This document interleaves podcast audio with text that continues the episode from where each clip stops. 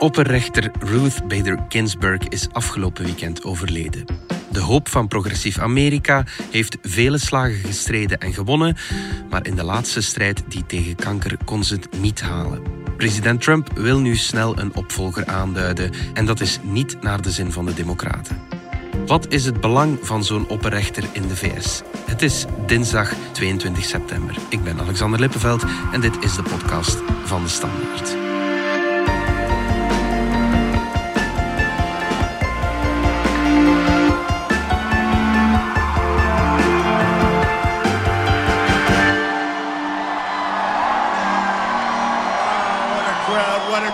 Get those people over here, see me. I will be putting forth a nominee next week.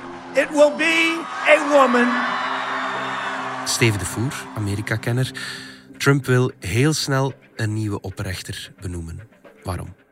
Omdat het belang van de benoeming van het Supreme Court in Amerika uh, veel groter is nog dan bij ons een benoeming bij het Hof van Cassatie of het arbitragehof of zo. Eh. Mhm. En dat het belang zo groot is voor welke rechtsregels er in Amerika gelden, dat in uh, tijden van enorme polarisatie zoals nu, dat het kunnen benoemen van iemand waarvan je vermoedt dat die van, uh, van jouw politieke kleur is, dat dat uh, zo doorweegt. Ja. De hoofdreden eigenlijk waarom dat dat verschil zo groot is, is omdat wij in onze laten we zeggen, het continentaal-Europese stelsel, mhm. dat wij meer de situatie hebben dat rechters ja, uitspraak doen in concrete gevallen, maar dat de basis van de algemene regels waaraan zich iedereen moet houden, dat dat vooral van wetgeving komt. Maar in, het, uh, in het common law, het systeem dat ze in de Verenigde Staten en in Engeland onder meer hebben, is het eigenlijk veel meer rechtspraak en dus vooral hoogrechtspraak van het Allerhoogste Gerechtshof dat uh, bepaalt wat je kan doen of laten. En dus waar wetten aangetoetst uh, ja, kunnen worden. Bijvoorbeeld abortus. Hè. Bij ons gaat dat, welke regel staat er in de wet in de Verenigde Staten, is dat welk fameus arrest uit de jaren 70 bepaalt nog steeds vandaag hoe dat de de situatie is voor de Amerikanen in 50 staten. Hoe ongewoon is het om een opperrechter te benoemen op anderhalve maand van de presidentsverkiezingen? Ja, als ze de benoeming van de opvolger van Ginsburg nog willen gedaan krijgen voor de 3 november, dan moeten ze records breken. Mhm. Omdat uh, zij zelf, haar benoeming, is al de snelste die er ooit is geweest op 50 dagen. Alle anderen zitten aan uh, eh, 70 dagen of daarboven. Meestal tussen de 70 en de 100 dagen. Dus ze zouden records moeten breken om dat voor 3 november gedaan te krijgen. Ja, uiteraard mm. breek je pas records als er uh, over de partijgrenzen heen aan zouden worden meegewerkt. Wat nu absoluut niet het geval zou zijn. Mm-hmm. Kortom, het zou wel echt uh, een kwestie zijn van armworstelen en de wil van de ander breken, want anders krijg je dat niet gedaan. Mm-hmm. Mm-hmm. het wordt een strijd. Hè. Ja, het wordt, het wordt, een strijd. En Trump wil die absoluut winnen natuurlijk, omdat conservatieve overwicht in dat hooggerechtshof te consolideren en nog groter te maken? Het probleem is dat wat er nu gebeurt van een zo historisch belang is, omdat eigenlijk het traditionele evenwicht al een beetje uit zo'n lood is geslagen. Mhm. Ehm, er is decennia lang heeft er een soort van gezond verstand geleefd, waarbij er kandidaten werden gezocht uh, niet controversieel waren en waarbij dat er toch ergens een, een, een soort van permanent evenwicht werd gezocht. Mm -hmm. Trump had woorden van lof voor uh, Ruth Bader Ginsburg in zijn eerste reactie. As we meet tonight, our nation mourns the loss of a legal giant, Supreme Court Justice Ruth Bader Ginsburg. Her landmark rulings, fierce devotion to justice, and her courageous battle against cancer inspire all Americans. You may agree, you may not disagree with her, but she was an inspiration to a tremendous number of people. I say all Americans. Justice Ginsburg's close relationship with a friend of ours, a friend of mine, Justice Scalia, is also a powerful reminder that we can disagree on fundamental issues while treating each other with decency, dignity, and respect. Our thoughts and prayers are with her family. Thank you very much. Ze nam erg belangrijke beslissingen en inspireert alle Amerikanen, zegt Trump. En haar vriendschap met de conservatieve rechter Antonin Scalia toont dat je het oneens kan zijn over de dingen en tegelijk elkaar met respect kan behandelen. Dat lijkt mij opvallend, aangezien zij de rockster van progressief Amerika is. En dat net exact is waar Trump lijnrecht tegenover staat en ook erg vaak mee clasht. Ja, maar je zegt ze is de rockster van progressief Amerika. Dat is ze de jongste jaren geworden. Ook vooral sinds dat jongeren hebben haar ontdekt. En dan die memes van, van de, de Notorious, RBG, RBG, en zo. The Notorious RBG! Seated. Uh, a word about the notoriety I have recently attracted. It is amazing that at my advanced age, 85, so many people want to take a picture with me. T shirts, tote bags, big bibs, mugs, closet fresheners, coloring books. Even tattoos bear my name and face. The Tumblr that started it all was launched by a second year student at NYU Law School. She detected a certain resemblance between the notorious rapper B.I.G. and me. It was evident. We were both born and bred in Brooklyn, New York. Uiteraard was een progressieve rechter, maar ook zeker was die compromisloos. Ze heeft een hele periode gehad eigenlijk dat ze echt wel compromissen uh, sloot en soms zelfs met conservatieve meerderheden meestemde in de beginjaren van haar uh, oprechterschap.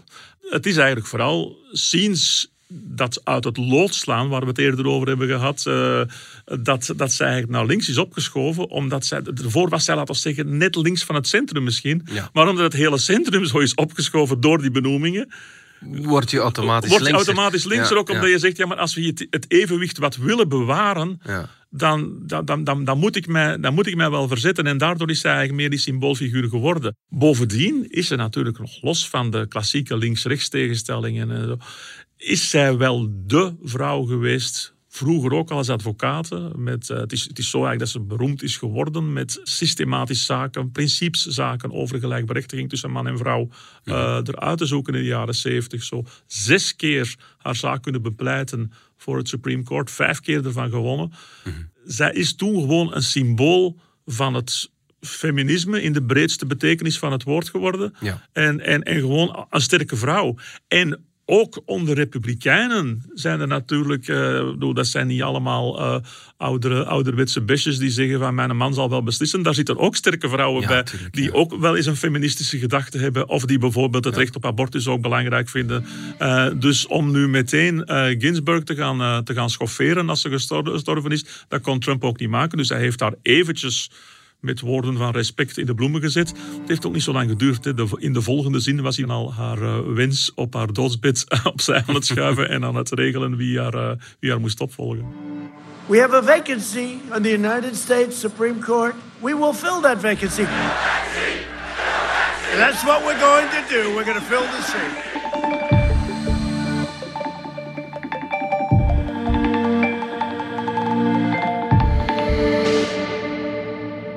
Worden die tegenstellingen tussen republikeinen en democraten altijd zo op scherp gezet bij die benoemingen?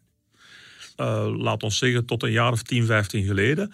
Alle kandidaten, door wie dat die ook werden voorgedragen of door welke meerderheid in de Senaat dat die werden goedgekeurd, bij die goedkeuring dat er altijd een overweldigende meerderheid over de partijgrenzen heen uh, was. Okay. Ginsburg zelf bijvoorbeeld uh, heeft toen in de Senaat 97 van de 100 stemmen gekregen. En ja. dat, dat was eigenlijk normaal toen. Dat was hoe het altijd dat, gegaan is. Dat ja. was zoals het altijd liep. Het punt is dat je nu natuurlijk al, ja, laten we zeggen, sinds de opkomst van de Tea Party uh, en de, van de Nillies, Mhm. mm -hmm. eigenlijk nu al sinds een dikke 10 jaar, 10, 15 jaar, dat je steeds fanatieker die loopgravenoorlog krijgt.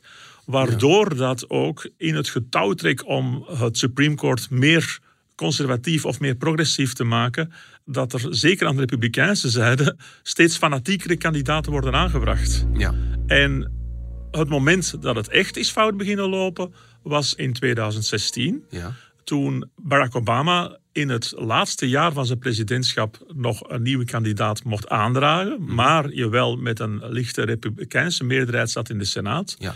Dus wat kon Obama eh, niet anders dan doen? Een compromisfiguur zoeken. Iemand waar eigenlijk in principe echt niemand zijn hoofd aan kon stoten. Hij kon natuurlijk geen, geen sterk progressieve benoeming doen, want dan wist hij zeker dat de republikeinse meerderheid in de Senaat dat zou tegenhouden. Dus hij komt voor de proppen met Mary Garland, wat echt een totaal niet controversieel eh, was. Today I am nominating Chief Judge Merrick Bryan Garland to join the Supreme Court.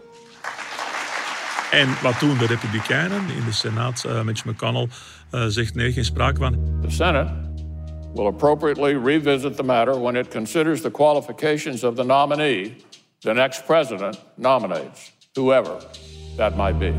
heeft zelfs niet eens een hoorzitting over die benoeming eh, willen organiseren. Dus eigenlijk de complete sabotage. Wij gaan wachten tot na de volgende verkiezingen. En we denken dat dat ons beter uitkomt. Ja, een symbool van die polarisering die in de VS extreem hard leeft de laatste jaren. Ja, de- Het, het feit dat je zelfs over de benoeming van zo'n niet-controversiële figuur als Garland niet wil praten, wil eigenlijk zeggen dat je zegt van, eh, jongens, heel dat gedoe van vroeger, van we gaan over de partijgrenzen heen iemand vinden die, die iedereen ge- gelukkig gaat stellen, daar doen we niet meer aan. Het is het recht van de sterkste, wij hebben de meerderheid, eh, probeer er maar iets aan te doen. Ja, ja, ja. En ja, uiteraard is dat dan sindsdien nog een stuk verergerd, omdat eh, Trump, het was een van zijn grote verkiezingsbeloften, het is eigenlijk ook de enige verkiezingsbelofte die hij echt goed heeft gehouden. Eh, zodra ik verkozen word, ga ik op alle echelons, van eh, lagere rechters tot eh, hoge, ga ik zo conservatief mogelijke rechters benoemen, zodat uw kiezer, conservatieve kiezer, Mhm. u gaat voor tientallen jaren content zijn, want ik ga ervoor zorgen dat je een heel erg conservatief eh, Supreme Court krijgt. Hij heeft dat wel gedaan met de, met de benoeming. Hij heeft er al twee eerder kunnen, benoem, eh, kunnen benoemen. Eh, Neil, eh, Neil Gorsuch en, en, en Brett Kavanaugh. Kavanaugh, dat herinneren de meeste mensen zich Ja, nog ja. wel. Hè, dat, dat hele gedoe, omdat hij dan beschuldigd werd van, Voor die van, van manieren ja, vroeger. Maar ja, de, de, de reden dat er zoveel controverse over was, was ook omdat eh, Gorsuch en Kavanaugh nu bepaald geen compromisfiguren waren, maar wel degelijk mensen met Ja, een staat van dienst die super conservatief was, omdat Trump daar een punt mee wilde Ja, maken. en Dus Trump dat gaat hij had- nu gegarandeerd ook doen. eh. Ja, want hij heeft nu de ruimte, heeft de meerderheid in de Senaat die de oprechters benoemt. Ja. Zal hem dat nu ook lukken of niet? Ja, dat is het punt. Hè. Eh, iedereen beseft het belang, omdat je eigenlijk dus al door die, die vorige benoemingen al een onevenwicht eh, had. En eh, dat dat nu nog meer zo zou zijn, dat je dan eigenlijk de facto met een verhouding conservatief-progressief van 6-3 zou komen. En pas op, we hebben het dan niet over de volgende paar jaar. Hè. Die mensen zijn voor het leven benoemd. Ja. Is het eigenlijk niet gewoon zijn goed recht van Trump om een rechter aan te duiden? Wel, we zitten in de eerste plaats met de beschuldiging van de Democraten aan de Republikeinen van wat voor een ongelooflijk stel opportunisten en hypocrieten zijn jullie. Ja. Want in 2016 was het over dus die Mary Garland, die dus niet half zo controversieel was, Mhm. was het van ja, nee, nee, nee, nee eh, het kan niet zijn dat Obama zomaar zijn goesting krijgt, dat moet de volgende president eh, zijn. De volgende president over elf maanden. Ja. En nu zit je met een president van veel, veel korter en nu is het opeens recht van de sterkste. De Republikeinen zeggen erop van ja, maar ho, de situatie was niet helemaal hetzelfde. Want toen zat je met een democratische president, Obama, en een republikeinse meerderheid in de Senaat. Maar nu hebben we de president en we hebben een meerderheid in de Senaat. Dus wat let ons om tussen aanhalingstekens, onze plicht te doen en die benoeming heel snel te doen verlopen. Waarop de democraten natuurlijk zeggen van ja, maar we hebben toch altijd al gevonden, dat is nu toch wel een traditie in, dat op het moment dat de verkiezingen in volle gang zijn en dan nog in een jaar zoals dit, met bij wijze van spreken een halve burgeroorlog die al in de sterren geschreven staat, Ja. je doet dat uit fatsoen nu toch niet? Mm, ja, ja. Ja, dan zeggen de Republikeinen ook van fatsoen, jongens, waar, waar praten jullie zelfs nog maar over in deze tijd? En dat, is, dat is terecht van de sterkste. eh, voor het geval dat je dat niet door had. Met alle gevolgen van dien. Want omdat de, de Republikeinen in hun ogen het spel niet netjes eh, spelen, om het zacht uit te drukken. Eigenlijk iets doen wat dat het gezond verstand en het fatsoen eh, op dit ogenblik zegt, je kunt dat niet doen. Dus is bij wijze van spreken, nee, het is letterlijk nog niet begraven en er wordt al tegen haar fameuze death wish. Hè, want ze heeft gezegd van dat ze hoopte dat de benoeming pas zou, zou gebeuren na de presidentsverkiezingen. Ja, Biden heeft na haar dood de laatste wens van Ginsburg nog eens herhaald. Her granddaughter said yesterday that her dying words were, quote, My most fervent wish is that I not be replaced until a new president is installed. Dus het spel wordt vuil gespeeld. En dan merk je aan de andere kant dat het bij de Democraten al niet meer louter blijft bij uh, oproepen tot het gezond verstand. Maar dat er ook al wordt gedreigd met grotere middelen. Oké. Um, concreet, mensen als Joe Biden bijvoorbeeld, die zegt eigenlijk tegen Republikeinse senatoren, zoals Susan Collins en Lisa Murkowski, de, de twee gematigde Republikeinse senatoren, die nu al hebben gezegd van ja, we vinden eigenlijk dat democraten gelijk hebben, je kunt dit niet maken en, en, en wij willen absoluut uh, niet meewerken aan een snel-snel benoeming. Ja. Je hebt er vier die tegen het eigen kamp stemmen nodig. We zitten nu aan twee. Biden roept uh, anderen op om ook hun geweten te laten spelen. To jam this nomination through the Senate is just an exercise in raw political power. Anger and more anger. Sorrow and frustration at the way things are in this country now politically. That's the cycle that Republican senators will continue to perpetuate if they go down this dangerous path that they put us on. We need to de escalate, not escalate. So I appeal to those few Senate Republicans, the handful who really will decide what happens. Please follow your conscience. Don't vote to confirm anyone nominated under the circumstances President Trump and Senator McConnell have created. Don't go there. Uphold your constitutional duty, your conscience. Dat is één ding. Maar er zijn andere democraten die nu al uh, nadenken over... ja, en desnoods moeten we het uh, spel Mhm. ook harder gaan spelen. En dan komt, grappig genoeg, komt Nancy Pelosi op het uh, programma te staan. Mhm. Pelosi die er in principe niks mee heeft te maken... want die is Speaker of the House, de voorzitter ja. van het Huis van Afgevaardigden. Ja. Maar die benoemingsprocedure... Uh, die gebeurt bij de Senaat, dus bij de, de andere kamer van, ja. het, uh, van het congres. Ja. Pelosi niks mee te maken. Behalve zegt zij nu van ja, bon, er, zijn, er zijn manieren om uh, desnoods het spel te, te, te vertragen. Hè. En ze heeft het niet spontaan gezegd, maar ze heeft de vraag gekregen van ja, wat dan? Bijvoorbeeld een nieuwe impeachment tegen, tegen Trump of, of, of tegen minister van Justitie Bill Barr.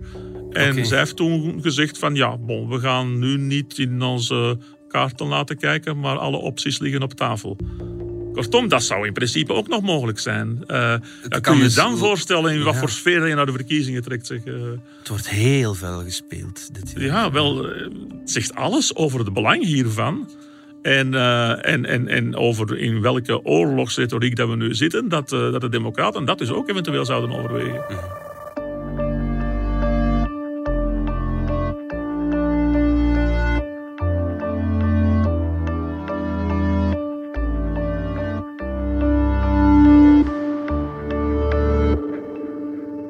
Moet het voor Trump voor 3 november gebeuren of kan het daarna ook nog? Ja en nee. Uh, de benoeming op zich heeft een gigantisch praktisch gevolg voor de toekomst. Een, dus dat is, dat is op zich belangrijk genoeg. Het is een slag die je wint eigenlijk. Ja, ja een ja. heel belangrijke slag ook. Ja. Dus uh, wat dat betreft zou je kunnen zeggen van ja, ja bon, hoe sneller hoe beter. Maar eigenlijk speelt er puur verkiezingstechnisch speelt er nog een andere logica. Mm. Het, is, uh, het is niet onmogelijk dat uh, de benoeming er nog wordt doorgestemd in de periode na 3 november. Want Trump blijft natuurlijk wel president, ook als hij verliest, tot 20 januari. Ja. Dus je hebt daar nog twee maanden tijd ertussen. Ja. En het, uh, het voordeel daarvan zou kunnen zijn dat als die benoemingskwestie op de agenda blijft staan tot 3 november, Mhm. dat daardoor ja, eigenlijk ook de belangrijkste inzet van de verkiezingen is bepaald en de motiverende factor voor kiezers langs beide zijden.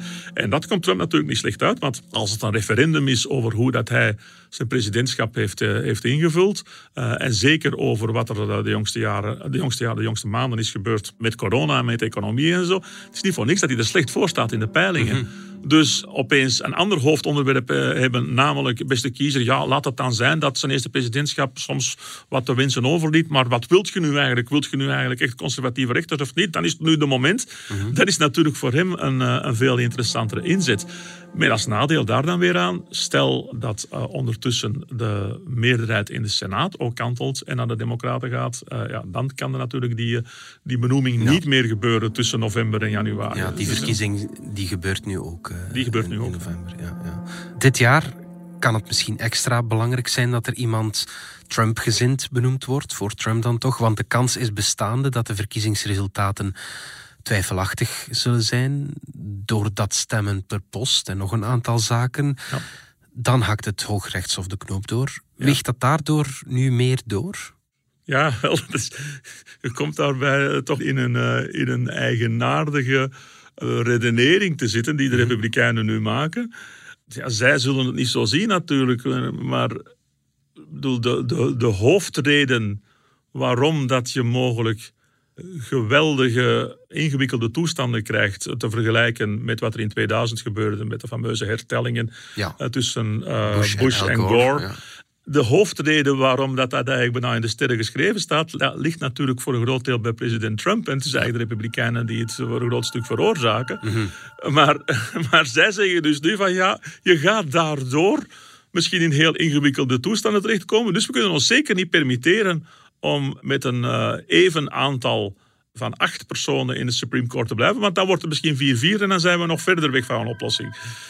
Het is een, eh, een redenering eh, voor het eigen huis, zullen we maar zeggen. Maar, maar ja, ik, ik- ergens zit er een logica in. Dat je zegt, ja, je, je wil wel een Supreme Court hebben dat, eh, dat een knoop kan doorhakken. eh. Ik blijf het iets heel gek vinden dat die politiek benoemd worden, die rechters. Gaat dat niet volledig in tegen de principes van scheiding der machten?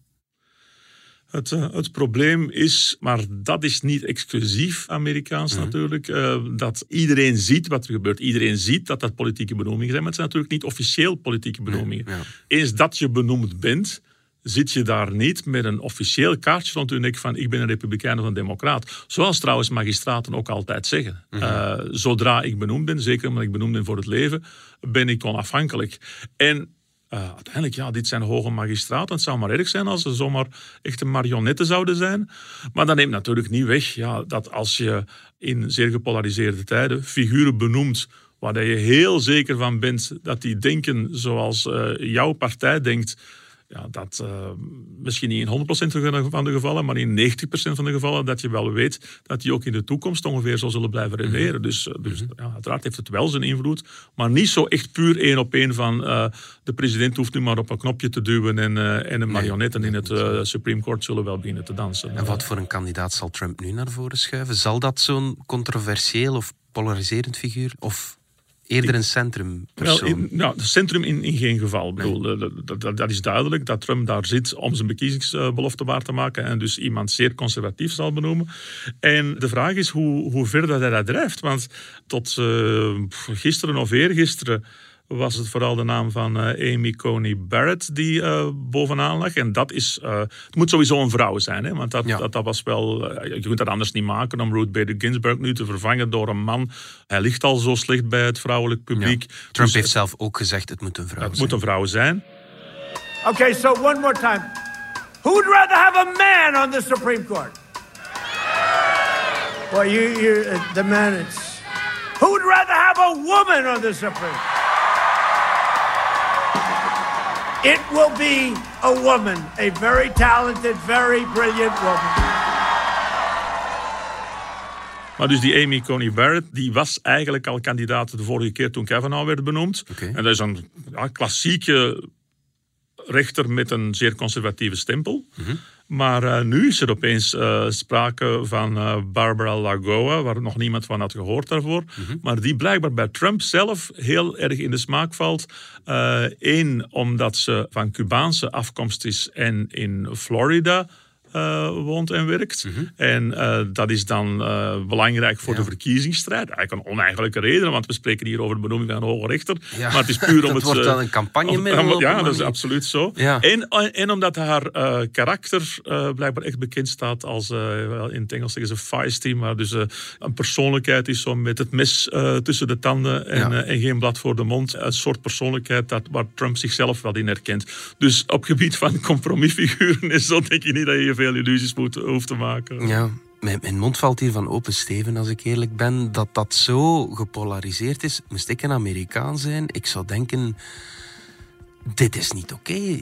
Nee, het is niet oké. Bedoel, dat, dat het in de instellingen niet oké zit, dat is wel, eh, dat is wel duidelijk. Ja. Ik bedoel, dat is de analyse die iedereen maakt op zoveel verschillende terreinen. Dat eigenlijk de Founding Fathers eh, een heleboel dingen slecht hebben georganiseerd. Ja. eh, omdat ze er niet aan dachten wat dat mogelijke padstellingen in een vreemde situatie zou kunnen zijn. En omdat ze vermoeden dat in dat geval het gezond verstand wel zou, zou, zou zegevieren. Maar dat is nu net het probleem. Eh, gezond verstand is is eh, in deze tijden ver, ver zoek. Steven de Voer, dankjewel. Graag gedaan. Dit was de podcast van De Standaard. Bedankt voor het luisteren. Wil je reageren? Dat kan via podcast.standaard.be. Alle credits vind je op standaard.be-podcast. Morgen zijn we opnieuw.